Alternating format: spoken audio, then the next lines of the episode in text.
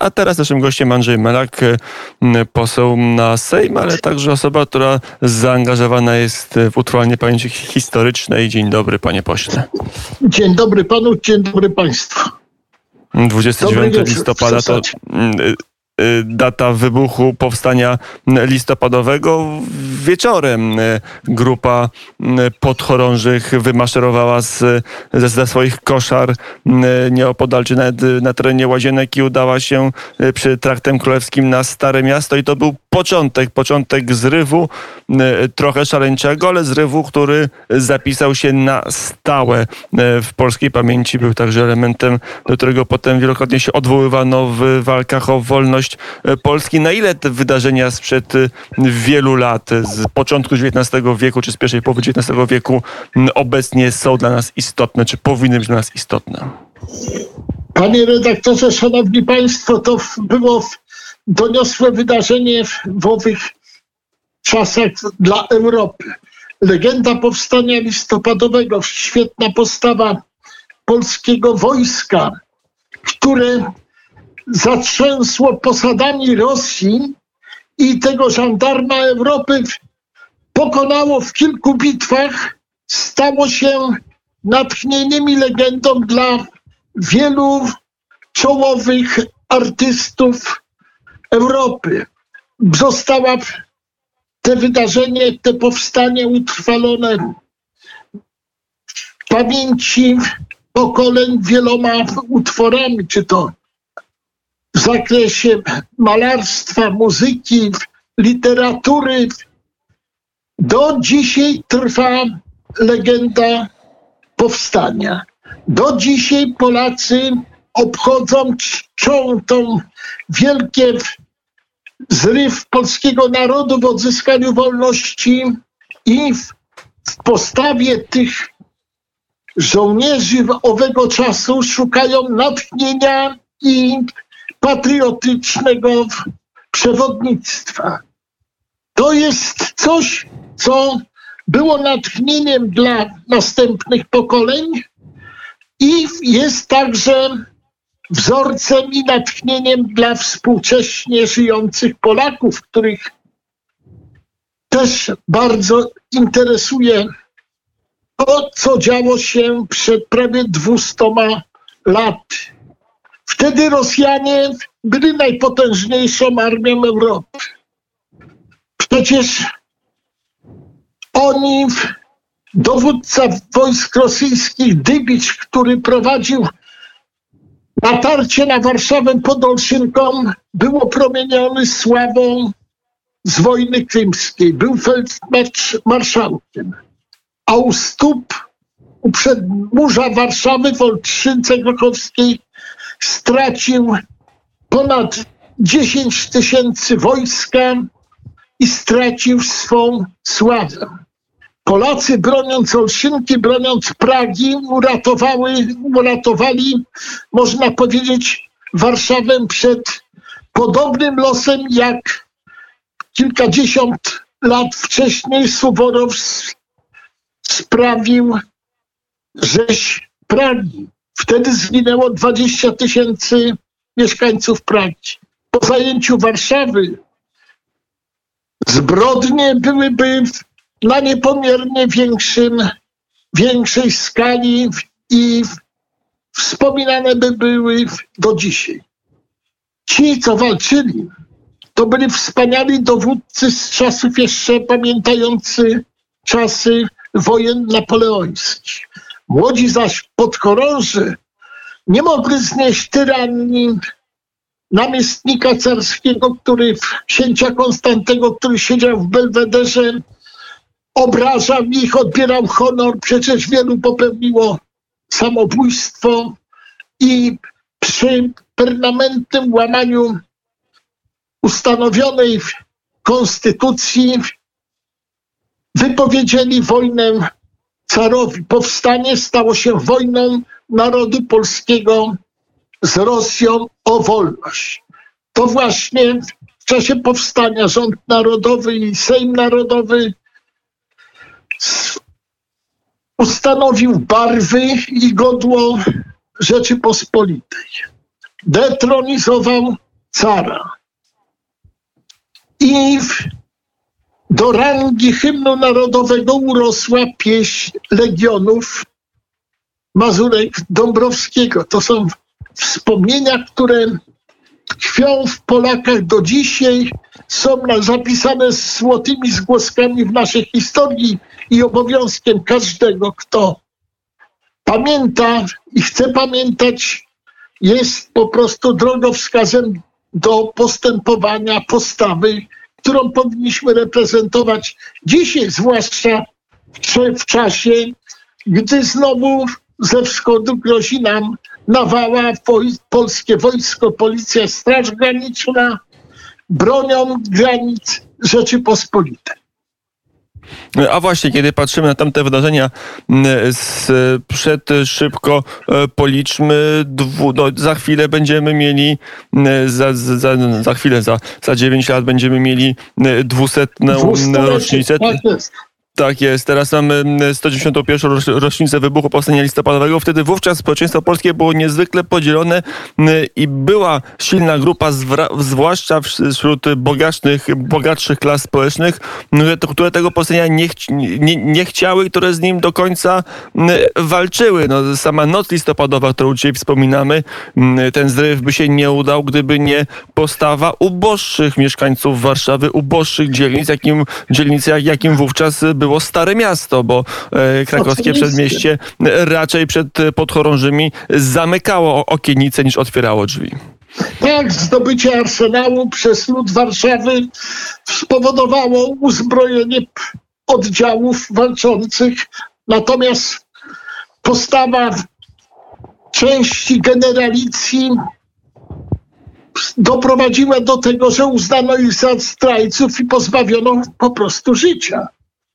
Przecież nawet Chłopicki swym kungstatorstwem i zamiarem pertraktacji i ugody z carem zamiast walką doprowadził, że zostało stracone kilka miesięcy, kiedy można było zaatakować, jak opisywał pan profesor Łojek, i zdobyć, bo mieliśmy armię niezbyt liczną, ale zaprawioną w bojach wspaniałych strategów, wspaniałych dowódców. Przecież wielu generałów zginęło w czasie walki. Punkt czwarty urósł do legendy. Także wtedy powstały przecież wspaniałe pieśń Warszawianka, którą napisał francuski poeta przed, została przetłumaczona. Muzykę napisał chyba Karol Kurpiński, jeżeli się nie mylę.